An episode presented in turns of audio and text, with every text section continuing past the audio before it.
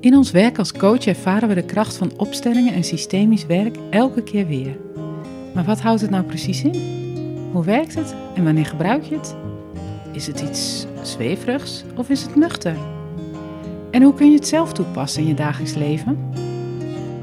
Wij zijn Saskia Hielkema en Jessica Kwekkenboom en met deze vragen gaan wij op reis. We maken een reis langs opstellers, docenten, experts, trainers en coaches. Onze persoonlijke vraagstukken nemen we ook mee. We houden het graag dichtbij en praktisch. Vandaag zijn we op pad in Tuindorp in Amsterdam-Noord. We gaan in gesprek met Barbara Hoogboom. Barbara is mede-eigenaar en directeur van het Bert Hellingen Instituut en ze is initiator van de Systemic Business School. Als systemisch coach en trainer kent ze een grote gedrevenheid en weet ze velen te inspireren. We gaan met Barbara in gesprek over de menselijke systemen waar we onderdeel van zijn. Kijk eens bijvoorbeeld in je WhatsApp in hoeveel groepen je zit. Ze vertelt over hoe systemen werken en wat je nodig hebt om in al die systemen te kunnen functioneren. Over erbij horen, afscheid nemen, ja en nee zeggen. Als je wil wegduwen waar je eigenlijk wel deel van bent, dan laat het zich juist steeds weer zien. Samen met Jan-Jacob Stam schreef ze een boek over systemisch leiderschap in organisaties. Barbara legt ons met praktische voorbeelden uit hoe je dat eenvoudig kunt toepassen. Dus, dus, dus het gaat eigenlijk steeds over een soort van ontrafelen en erkennen, weet je. En opnieuw ja. Ja, ontrafelen, erkennen, verhelderen. En tot slot vragen we haar naar die ene systemische wijsheid die ze iedereen zou gunnen.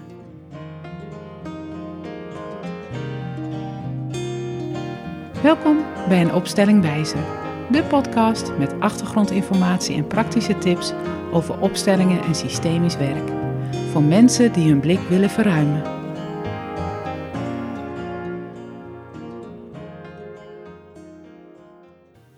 Ja, Barbara, we zijn vandaag bij jou te gast in Tuindorp in Amsterdam. En we gaan het hebben over systemen en systemisch werk. In onze vorige aflevering spraken we jouw collega Yvonne Lonis over familieopstellingen. En onze eerste vraag aan jou is of jij kan uitleggen wat nou eigenlijk het verschil is tussen beide. Tussen opstellingen en systemisch werk? Ja. ja. Een opstelling is eigenlijk een methode. Dus een opstelling is een manier om te kijken naar hoe, hoe functioneert dit systeem? Wat gebeurt er in de onderlaag? En systemisch werk zou je kunnen zeggen, dat is dan meer het overkoepelende beschrijving. Dat is eigenlijk gewoon theorie. Hoe werken familiesystemen? Hoe werken organisatiesystemen? Hoe werken misschien wel maatschappelijke systemen? En die theorie, die, die als je een opstelling doet of begeleidt, dan gaat hij daar wel in mee om te begrijpen wat gebeurt er in een opstelling. Maar je hebt niet per se een opstelling nodig om, om systemisch te kunnen werken of om systemisch te kunnen kijken. Of om systemische vragen te stellen of je iets af te vragen. Dus in die zin is een opstelling als het ware een, een afgeleide, een werkvorm van systemisch werken. Eigenlijk zo simpel zou je het kunnen zeggen. Wanneer doe je het een en wanneer doe je het ander? Wat ik mooi vind aan een opstelling, zeker een opstelling als je die doet in een setting van een groep, hè, dus dat er ook andere mensen aanwezig zijn om positie te nemen in de opstelling, dan is het natuurlijk het mooie, die, die hebben stem. Die kunnen praten. Dan is het natuurlijk ook nog een variant dat je in een één op één situatie, dus dat een coach samen met iemand die een vraag heeft, onderzoekt en, en spullen op tafel gebruikt, bijvoorbeeld koffiekopjes of wat dan ook maar. kan je zeggen, nou dat is ook een opstelling, dan laat je ook een uitbeelding zien van het vraagstuk. Maar koffiekopjes praten meestal niet.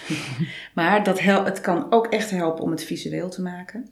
Maar los daarvan, als systemisch coach, kun je kiezen of je wel met kopjes of materialen of iets werkt, of dat je dat ook niet doet. Want soms alleen al door het stellen van een vraag breekt er als het ware wat open. Hè? Of, of wordt er iets duidelijk. Dus bijvoorbeeld als iemand de vraag zou hebben van ja, hoe komt het toch eigenlijk altijd dat ik zo een oordelen voel op mijn baas, ik zeg maar wat, of op mijn leidinggevende. Ja, dan zou je ook de vraag kunnen stellen, goh, maar aan wie doet die leidinggevende jou denken? Is dat een voorbeeld van een systemische vraag? Ja, want daaronder zit als het ware de theorie dat bekend is dat soms zeg maar, in je werk iemand jou doet denken aan iemand bijvoorbeeld uit je familiesysteem. Maar daar ben je natuurlijk helemaal niet mee bezig, want je bent op je werk. Maar als je zo'n vraag zou stellen, dus in die zin wordt het een systemische vraag, omdat het mogelijk zeg maar, de, gedachte aan verbinding met een ander systeem opent. Namelijk, ach verrek, ik heb zo'n hekel aan die kerel, want hij doet me denken aan, nou verzin het hè, Mijn broer, mijn neef, mijn vader of eh, waar je misschien een lastige relatie mee hebt of had. En in die zin kan één zo'n vraag opeens als het ware ontrafelen van, oh maar wacht even, aan de ene kant is dit de leidinggevende en aan de andere kant is dat inderdaad nou, die persoon uit een ander systeem. En ik projecteer eigenlijk gewoon mijn oordelen op het een. Of van het een projecteer ik eigenlijk op iemand anders. En heb je verder geen opstelling nodig. Zou dan je advies zijn om dan naar dat familiesysteem te gaan kijken of is het ontrafelen genoeg? Het ligt aan, aan, de, aan de vraag en aan de wens van iemand. Kijk, als iemand komt met de vraag: Ik heb eh, gedoe op mijn werk, want die leidinggevende die pruim ik niet. en als dan ontrafeld is: Oh, maar wacht even, diegene doet me denken aan iemand in een ander systeem waar ik misschien nog iets mee uit te vogelen heb. Dan is daarna opnieuw de vraag: ja, Wil ik daarmee iets uitvogelen? Maar als iemand beseft, mijn leidinggevende doet mij denken aan iemand anders, dan alsnog heb je opnieuw de keuze. Oh, wacht even, kan ik mijn leidinggevende voldoende anders zien dat ik ook in een betere werkrelatie kan komen? Of blijft diegene me zo triggeren dat ik misschien beter gewoon een ander werk kan zoeken? Ja. Dat kan, dus dat zijn allemaal keuzes. Maar op het moment dat je het inzicht hebt, vergroot je als het ware de, de, de keuzemogelijkheden die je hebt. Wat zijn voor jou criteria als je denkt, joh, hier is een opstelling echt handig of hier is een systemisch coachgesprek wel voldoende of eh, handig? Ik denk dat het heel dat een belangrijk criterium is wat degene zelf wil. Want er zijn mensen die echt die, dat iets in hen voelt. Ik durf dat niet, een opstelling. Ja, Dat lijkt me te confronterend. ja, En dan ga ik ze ook niet daartoe dwingen. nee. Dus dat is het meest leidend. En ik denk als iemand juist als het ware gelooft in het potentieel van opstellingen. oh God, geloof, dit zou me iets kunnen brengen. Dan heeft het ook de meeste slagingskans. Maar ik heb best wel regelmatig mensen die zeggen: Ja, maar ik heb zoveel meegemaakt. Ik denk dat het te heftig is, bijvoorbeeld. Ik zou eerst even gewoon meer in een één op één setting rustig wat dingen op een rij willen uitvogelen. Dan vind ik dat de belangrijkste reden. Ja, Ja. Ja, en er zijn ook mensen die het niet alleen die het niet te spannend zouden vinden om een opstelling te zien, maar die ook vanuit vertrouwelijkheid zoiets hebben. Ja, ik hoef nou niet meteen dan met 10 of 15 mensen die ik niet ken. Dat voelt zo raar dat ik dan mijn hele, hè, de vuile was moet buiten hangen. Ja. Dat kan een heel sterk patroon zijn ook voor Ja. mensen. De vuile was, die hangen we hier niet buiten. Dus dat ga je toch ook zomaar niet in zo'n groep doen. Ah, Is dat ook een stukje loyaliteit naar je familie dan? Ja. Nou ja, dus, het kan, eh, dus daarmee kan het te maken hebben. Hè? Dus het gevoel van ja, maar dan, dan, dan breng ik mijn familie misschien te schande. Ja. Of eh, breng ik, dan komen er dingen naar buiten die, eh, ja, dat, dat kan ik niet maken. En dat heeft gewoon met loyaliteit te maken. En dat mag ook. Hè? En, alleen wat mensen die het wel durven, zeggen, om, eh, om naar een setting te komen waar ook andere mensen zijn. Die komen allemaal tot de ontdekking, oh maar wacht even, er zijn eh, meer families met vergelijkbare vuile was. Hè? Dus, Ja. het is eigenlijk zo, het is ja. maar een klein wasje. Het is maar een klein wasje, weet je wel. De, de, God, wat veel verschillende soorten vieze was heb je eigenlijk. En dat vind ik juist het gave eigenlijk van wel in een groepsetting werken. Is dat je zo ontzettend veel leert ook van de vraagstukken van andere mensen. Dat, vind, dat heeft voor mij wel echt een hele grote meerwaarde boven één op één. En soms is het ook wel zo dat mensen dan aan het eind zeggen, als ze nog niet aan de beurt zijn geweest, nou ik hoef niet meer, want ik heb echt al zoveel herkenningen gehad in alles wat hier is gebeurd. Dus ik Oh, ben, mooi. hè, hier Ja. kan ik al echt mee verder. Hoeveel systemen zijn er? En wat zijn belangrijke systemen?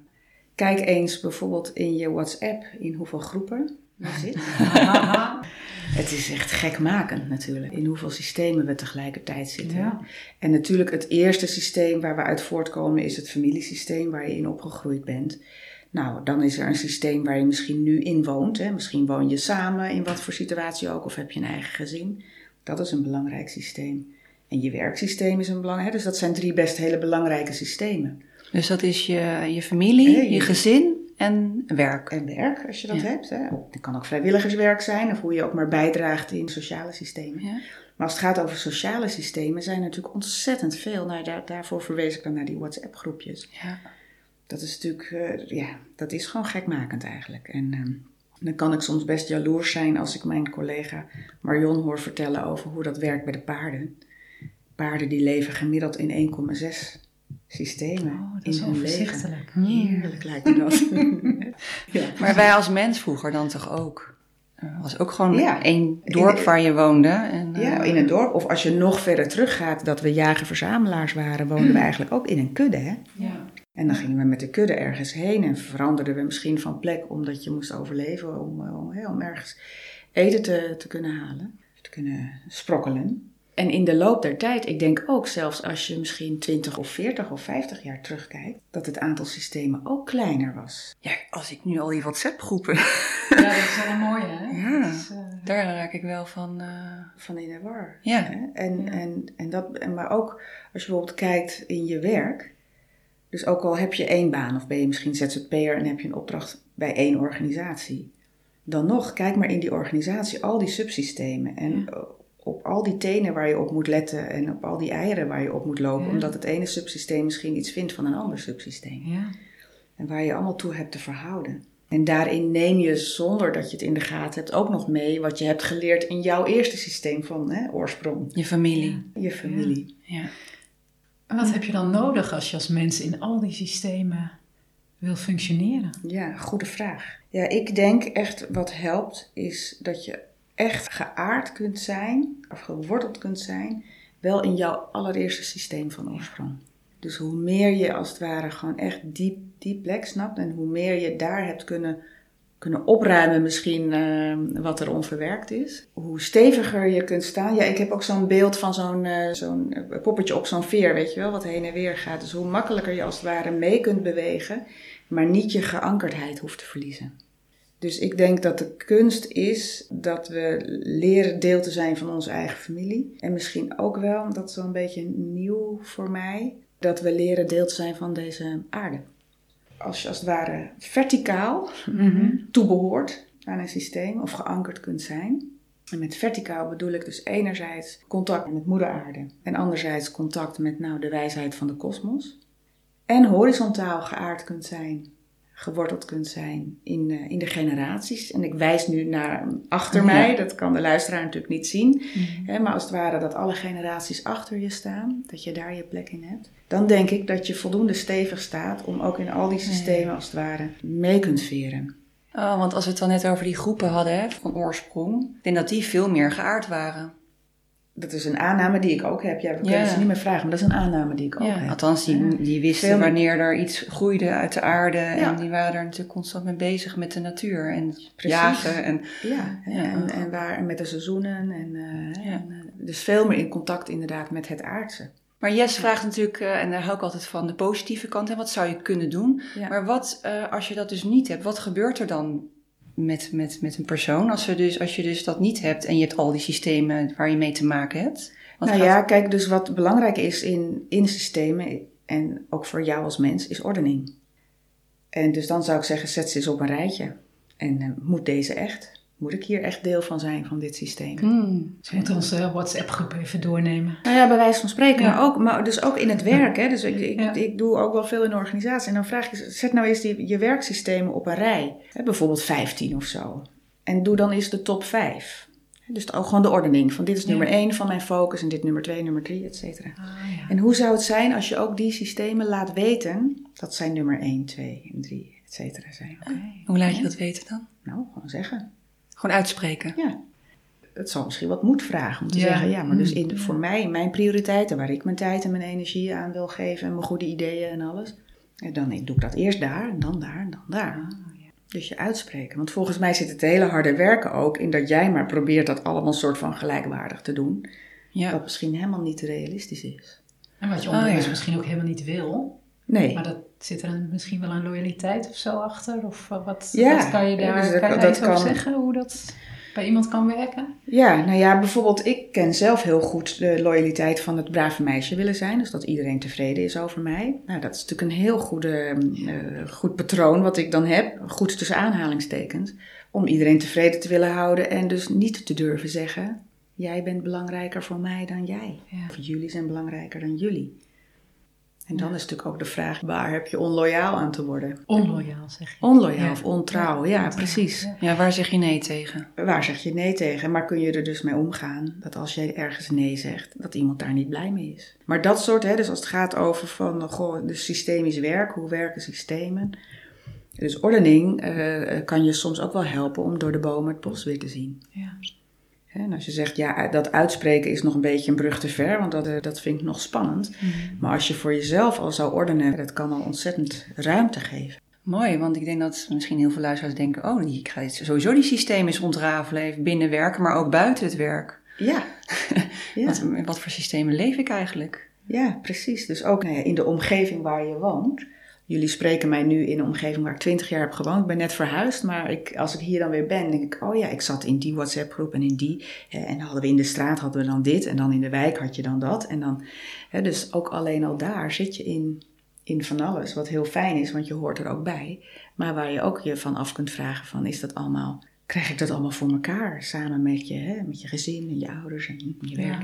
Ja, ja oh, grappig, want we waren net ook even bij de bakker. Daar voelde ik me ook niet thuis. Oh ja. Want er werd ja, dat plat Amsterdams. En, en, ik had er heel veel plezier in hoor. Dus we waren lekker met elkaar aan het ouwe hoeren. Ja. Maar ik voelde me echt een buitenstaander. Oh ja. ja. ja. Nou ja, dus dat is ook zo'n mooi aspect als het gaat over wat is nou systemisch werk. Hè? Dus, dus ik heb, we hebben nu een paar dingen gezegd over ordening. Het andere gaat over erbij horen. Ja. Dat is eigenlijk wat jij oh, zegt. Ja, ja hier, hier, hoor ik niet bij. In dit Amsterdamse hoor ik niet bij. En, en eerder in het gesprek, en volgens mij ook in jullie introductie, zei jij iets over nou, Twents. Hè, van, mm -hmm. ja. ja, dat is ook, uh, durf ik daar vooruit te komen? Kan ik erbij, kan ik erbij horen als ik uh, vol mijn Twents zijn omarm? Ja. en, en dat is ook wat ik net zei van bij het, het, het brave meisjes-syndroom. Hè? Dat heeft natuurlijk ook te maken met de angst er niet bij te horen. Als je iets doet wat een ander niet kan waarderen. Dus er, erbij horen is ook eigenlijk zo'n mechanisme wat, wat eraan bijdraagt ja, om je veilig te voelen. Want per definitie wil, wil iedereen ergens bij horen? Nou, of iedereen ergens bij wil horen, dat zou ik niet willen zeggen. Want ik heb ook echt wel mensen gesproken die er was van zijn. Die heel graag ergens niet bij willen horen. Uh Alleen, ik denk als je terugkijkt, hè, net, net deden we ook al even zo'n stapje naar, uh, naar het verre verleden van mens zijn. We zijn kuddedieren. In ons eentje kunnen we niet overleven. Dat gaat gewoon niet. Dus het is nodig om ergens bij te horen. Dus in die zin kun je niet er niet bij horen. En in de veelheid van systemen kun je natuurlijk wel zeggen, ja, maar bij, bij dat systeem, hè, ik wil niet bij, ik wil dus niet in Amsterdam erbij horen, want dat, daar ben ik gewoon niet van. Ja. Dus daar heb je op zich wel keuzes in. Je hebt geen keuze overigens, ik zal het slechte nieuws maar brengen, uh, om niet bij je gezin van oorsprong te horen. Ja. Hmm. En dat is waar soms natuurlijk wel andere dingen gebeuren gevoelsmatig. Dat mensen zijn opgegroeid in een gezin waarvan ze denken, dit wil ik heel snel ontsnappen. Ja. En die het ook ontsnappen als ze daar uh, oud genoeg voor zijn. Toch kan dat? Kan je, kun je ontsnappen? je kunt gewoon verhuizen. Maar als het ware de, de dynamieken en alles wat bij je familie uh, hoort, dat kun je eigenlijk niet ontsnappen. Want dat zit ook in jouw bloed. Ja. Dat, dat komt gewoon mee. Dat reist mee in je lijf. Ja. ja, en juist als je het wil ontsnappen, ja. Uh, komt het weer naar je toe, toch? Of uh, ja, dus, kom je er niet ja, want dat is ook het gekke. Als je wil wegduwen waar je eigenlijk wel deel van bent, dan laat het zich juist steeds weer zien.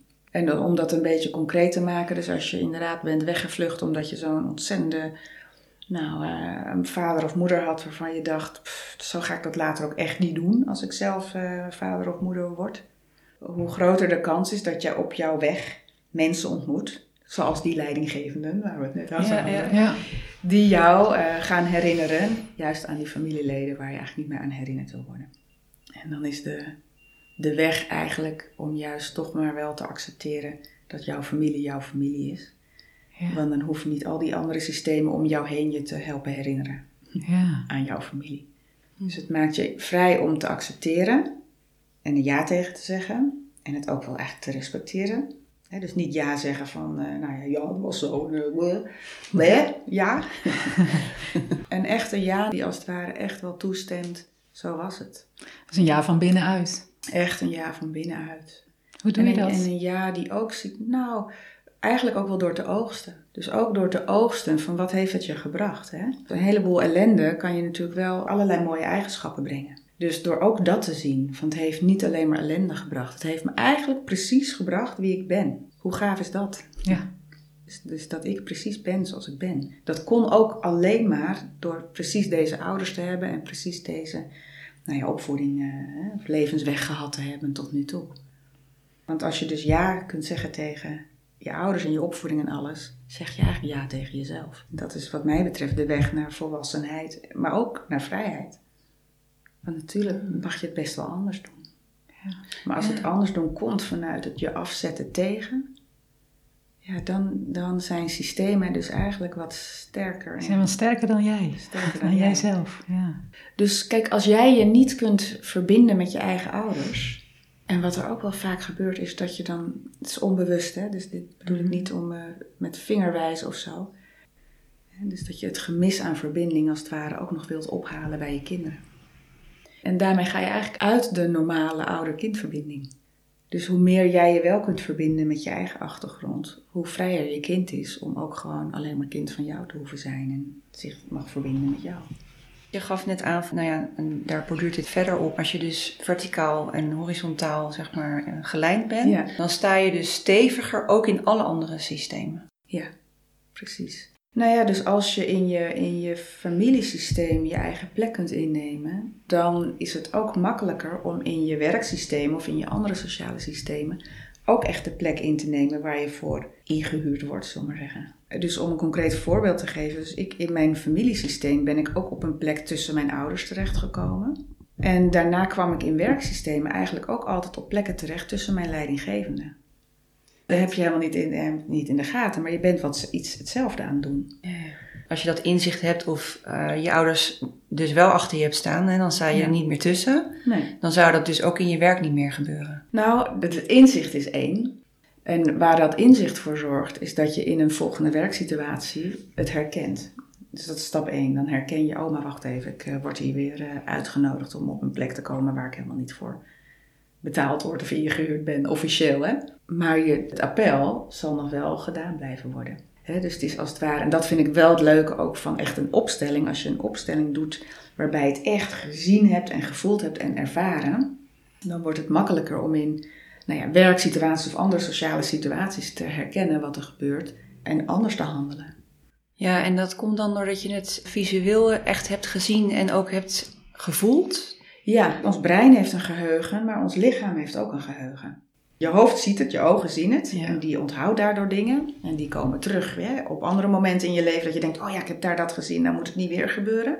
Maar als je lichaam het ook heeft beleefd, dan, eh, dan ja, is het eigenlijk gewoon een tweede geheugen. Dus dan is het nou ja, dubbel zo sterk als ik het maar heel simpel zeg. Ja. Maar dan, dan kan je lichaam ook makkelijker voelen als jij weer in een volgende situatie in het echt, in het hier en nu bent. Oh, maar wacht even, het voelt weer op diezelfde manier een soort van klem. Hè? Je gaf net al aan die familiesystemen, dat is echt iets waar je niet uit kan stappen. En al die andere systemen waar je dan onderdeel van bent, kan je daar overal zomaar uitstappen? Ja, nou niet zomaar, maar je kunt overal uitstappen. Kijk, het ligt, het ligt natuurlijk aan wat voor systemen. Hè? Eh, eigenlijk is het vanuit systemisch wel belangrijk om passend afscheid te nemen. Wij spreken heel letterlijk, wij zitten hier nu met z'n drieën aan tafel. En als straks dit gesprek klaar is, nou ja, dan, dan blijven we denk ik nog even een systeem totdat de podcast helemaal geëdit is en zo. Hè, maar Ja. dan op een gegeven moment is, die, is, Is dat, is dat in de lucht en dan is Ja. dat klaar. Ja. Dan, dan zijn wij niet meer een systeem Nee. met z'n drieën. Ja. Ja. Ja. Maar goed, inderdaad. Precies. En, maar als je er zelf dus uit wil stappen, eh, omdat je dan die ordening hebt gemaakt, hè, van nou, ik ga daar eens even ja. strepen. Ja, precies. Nou ja, dus dan kan je, hè, dus als het dan weer gaat over een WhatsApp-groep, je kan zeggen van nou, ik sneak er gewoon uit. Hè, dus eh, Barbara heeft de groep verlaten. Nou, maar dat is, dit is al iets van hoe verlaat ik een groep? Ja, Want inderdaad, ga ik nog iets zeggen? Natuurlijk afhankelijk van De setting en groep en precies. weet ik wat. Maar dat je als het ware wel erkenning geeft voordat je deel bent geweest van die groep. Nou, ik ben deel hiervan geweest. Ik heb op deze manier van, eh, van genoten. En, eh, Dat is en weer iets- het oogsten. Ja, ook Oh, weer het ja. oosten. Ja? Maar ook zeggen, en iets trekt me verder. Ja, en voor mij is, is het nu klaar en ik wens jullie veel plezier, weet ik het. Maar, Ja. maar wel ook, voor mij is de bestemming bereikt met in deze groep. Hè, of om deel te zijn voor deze groep, of ik kies andere prioriteiten. En je zal niet weten hoe inspirerend het werk daarna voor andere mensen is. Ja, wat ik trouwens, dat is trouwens heel, stom praktisch, maar de keren dat ik een groep verlaat, blijf ik na dat bericht nog een paar uur erin.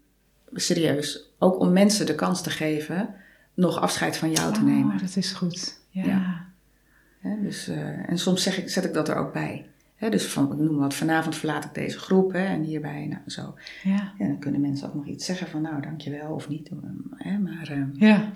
dus, dat gaat, dus het gaat over afscheid nemen van, van twee kanten. Hè. Kan ja, dan gaat het over zeggen. uitwisseling Ja. eigenlijk. Ja, precies. Ja, hè, dus dan, dan, dan breng jij nu ook nog zo'n ander principe wat werkt in systemen naar voren. Hè? Dus dat gaat inderdaad ook over uitwisselen. Over geven en nemen. Want in zeg maar in het uitwisselen zit een relatie Ja. die je hebt. En dus als je kunt uitwisselen, ja, dan, dan kan er ook erbij horen zijn. En dus ook om daar erkenning aan te geven. Ook als je een groep verlaat. Hè, dan kan je natuurlijk ook iets oogsten over, nou de uitwisseling was zo. Of ik heb er dit aan gehad, of ik heb er dit aan, aan gegeven. En eh, nou, het is goed zo. Ja, en hoe vaak verlaten mensen voel- voelbaar ook wel eens uit boosheid een groep of zo, hè? Ja, Dat is eigenlijk, dus zit iemand dan nog steeds toch nog in het systeem? de vraag is, kon die boosheid een plek hebben in de groep? Als iemand dan de groep verlaat, dan kun je natuurlijk ook afvragen, ja, maar wat diegene inbracht, door wie gaat dat dan nu ingebracht worden?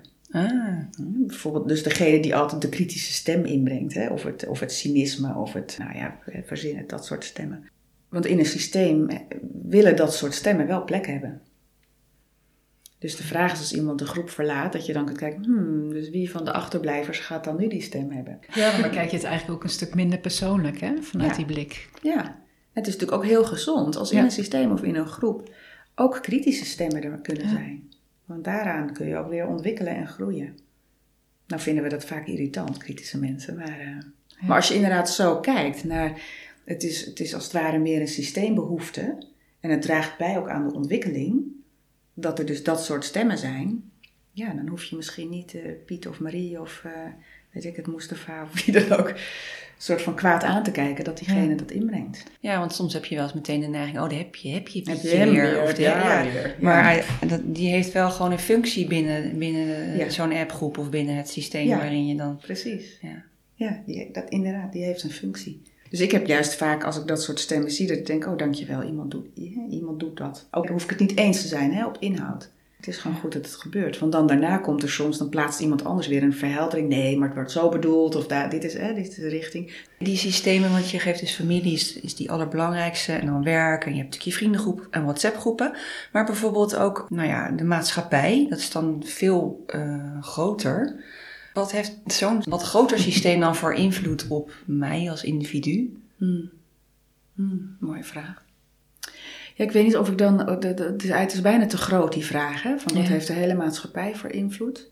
Maar ik denk wel dat allerlei thema's die zich afspelen in de maatschappij, zo hun invloed hebben.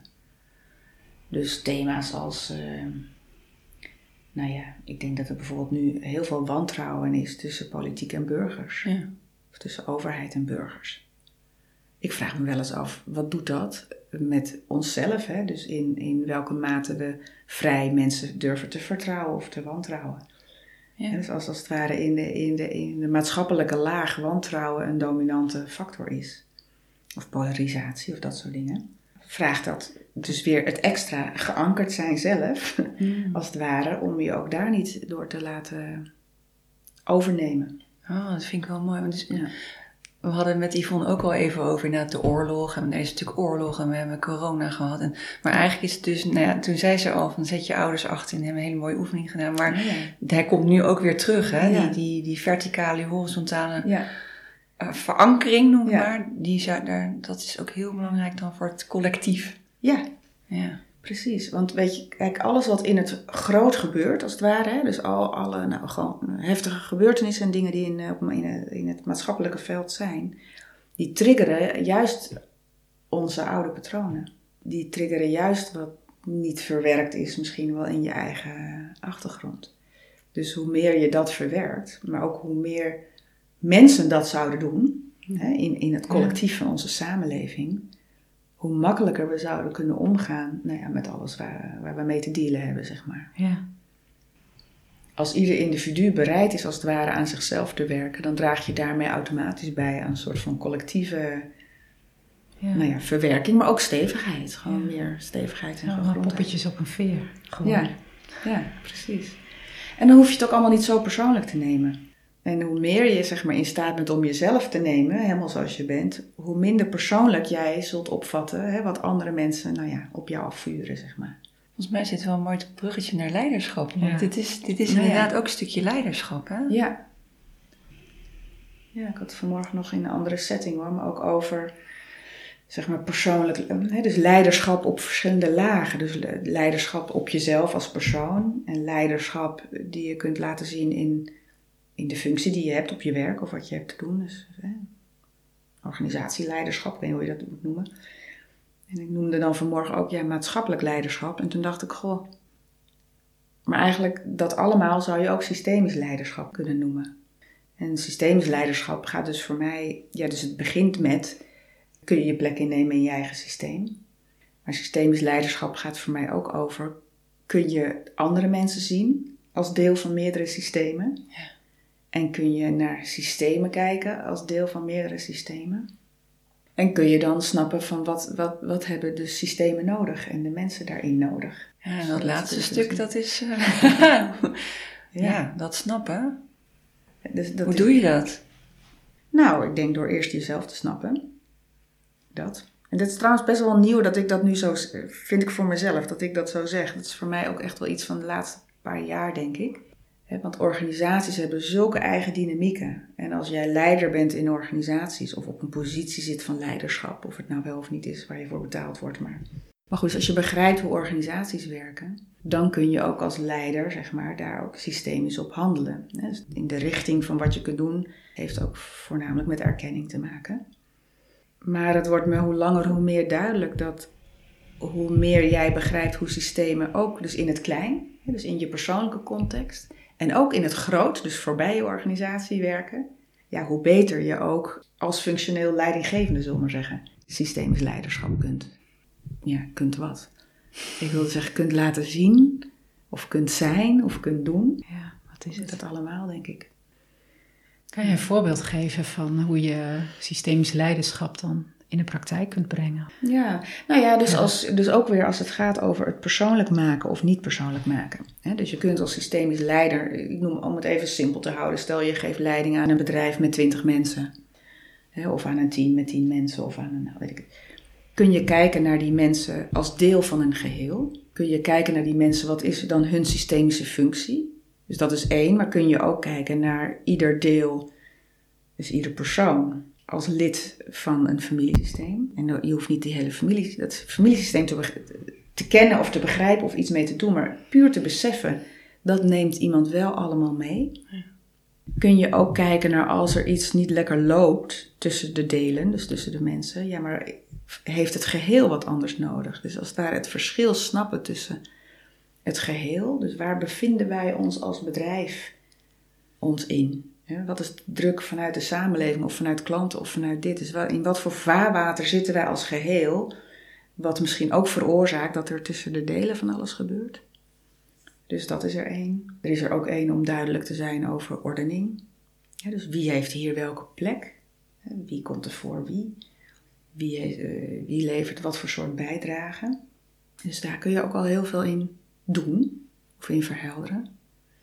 En het is er ook één om je bewust te zijn bijvoorbeeld van historie. Dus als jij niet de eerste leidinggevende bent die op die positie zit, van goh, hoe is het eigenlijk de mensen vergaan die voor mij op deze stoel zaten? Want het kan bijvoorbeeld best wel zo zijn dat de mensen aan wie jij nu leiding geeft, nog naar jou kijken met een bepaalde frustratie of herinnering of wat dan ook maar aan, aan degene die jou voorgingen. En je kunt ook in, in hoe je zelf nieuwe mensen verwelkomt in jouw systeem, kun je op een systemische manier doen. hè. Hoe doe je dat? Iemand verwelkomen? Nou, dus ook letterlijk plek maken. Dus stel dat, ehm, eh, dat je iemand verwelkomt omdat, er, omdat het bedrijf groeit. Hè? Dus er komt letterlijk een stoel bij. Ja, dan zou je ook gewoon heel bewust ook tegen alle anderen zeggen, we groeien. En hier is dus een stoel erbij. Dus ons systeem is nu, wordt groter. En jij kan daar nu in plaatsnemen. Dus het gaat heel erg ook over expliciet durven maken. Ja. Maar stel dat het, eh, het systeem niet groter wordt, maar dat diegene een positie inneemt van iemand die vertrokken is. Dan zou je natuurlijk ook nog even tijdelijk kunnen zetten van, nou, dus hier is de stoel van diegene die vertrokken is. Hier doen we een stoel erbij voor jou. Welkom op deze stoel. Misschien willen de andere collega's nog wat zeggen tegen de stoel van degene die vertrokken Ja. is. En dat je dan daarna bijvoorbeeld die stoel weghaalt. Maar dat als het ware ook visueel gemaakt is. Oh, wacht even. Diegene komt niet in de plaats van een flopper op die is opgeplakt. Dus die Ja. komt op die stoel. Nee, die Ja. heeft een eigen Ja. positie. En die andere positie, althans degene die dat heeft ingevuld, die stopt. Ja, ik kom dat nog best wel vaak tegen hoor. Dat ik ook op LinkedIn, wij zoeken een nieuwe Anna. En dan is er al heel beeld bij gevormd. Maar Ja. daarvan zeg je, wees daar bewust van eigenlijk. Wees eh, daar bewust Wat je van. daarmee doet, systemisch. Ja. Precies. Hè? Dus, dus, dus het gaat eigenlijk steeds over een soort van ontrafelen en erkennen, weet je. En opnieuw Ja. nou ja, ontrafelen, erkennen, verhelderen. Dus je zou kunnen zeggen, ja, nou ja, dus, dus het is fijn dat zij komt. Nou, want die, de, de vorige, die, eh, nou, die is nu weg. Of zo, hè. Of die wilde, die wilde een andere baan. Maar als er mm, ingewikkelde dingen zijn gebeurd, juist met degene die weg is gegaan. Ja, dan geeft het een systeem, dus ook de mensen daarin, meer rust als je iets en je hoeft niet alle vuile was erover te vertellen, maar als je wel erkent van nou, hè, dus, dus ook weer oogsten. Dit is wat diegene allemaal heeft gebracht, daar profiteren we van. Dit is waar het misschien spaak liep, of dit is waar het eh, stokte, of dit is waar. Nou, hm. nou, en zo zijn we uit elkaar gegaan. En ook daar overigens, zeg maar, als het niet werkt of niet meer werkt met iemand op een positie in een bedrijf, dan heeft dat ook de, zeg maar de, goede, de- goede reden. Soms hebben, is bijvoorbeeld de systemische functie van mensen om even iets te komen openbreken. En dat weet je dan eigenlijk pas achteraf. Want hoe het zich in het hier en nu laat zien, is dat iemand irritant is. En het moet altijd anders. En het moet altijd maar naar Ja. je smaak. En, hè, hè, en je ziet ook, gaat er moeilijk bekijken, hoop en, ehm, en als diegene weg is, dat je beseft, ja maar wacht even, er is nu wel iets anders. En we kunnen nu wel onze werkproces op een andere manier inrichten door die kritische vragen die er zijn gesteld. Ja. En diegene heeft gewoon te kritische vragen gesteld en dat op een manier gedaan dat, dat, dat, dat hij niet kon blijven. En het heeft je wel bij ontwikkeling gebracht. Dus zo kun je ook benoemen, dus juist ook van irritante mensen of mensen die dingen hebben gedaan die niet fijn zijn. Het heeft vaak toch bijgedragen op de een of andere manier aan een ontwikkeling ten goede. Ja, en als je dat kunt zien eh, en ook kunt benoemen, dan maak je eigenlijk ook alweer de plek vrij voor een opvolger, bijvoorbeeld. Ja, nou, het wijst wel helder dat je veel, veel meer uitzoomt als eh, leidinggevende dan binnen een organisatie, maar Ja. ook naar je mensen. Jullie eh, leiden ook mensen op. Hè? Zijn jullie dan echt meer bezig met het zakelijke of zijn jullie ook juist ook met familiesystemen bezig dan? Voor mensen die zich eh, systemisch willen, willen opleiden als leider. Ja, oh zo. Eh, nou, nou, allebei. Je ontkomt er niet aan Nee. als systemisch leider om de bereidheid te moeten hebben of de confrontatie aangereikt te krijgen, wel met een stuk van je persoonlijke achtergrond. Ja. Als je daarvan weg wilt als systemisch leider, word je, word je wat anders. Wat word je dan, dat weet ik niet. Nou, misschien wel meer het voorbeeld van ergens van weggaan dan je ergens echt aan te kunnen verbinden. En het is ook wel vaak zo als mensen als het ware kunnen voelen van hoe werkt dit voor mij persoonlijk, dan is het daarna veel makkelijker om het ook te vertalen Mhm. naar je werk. Ja. En dan kan het makkelijker vertaald worden ook in zijnsachtige kwaliteiten.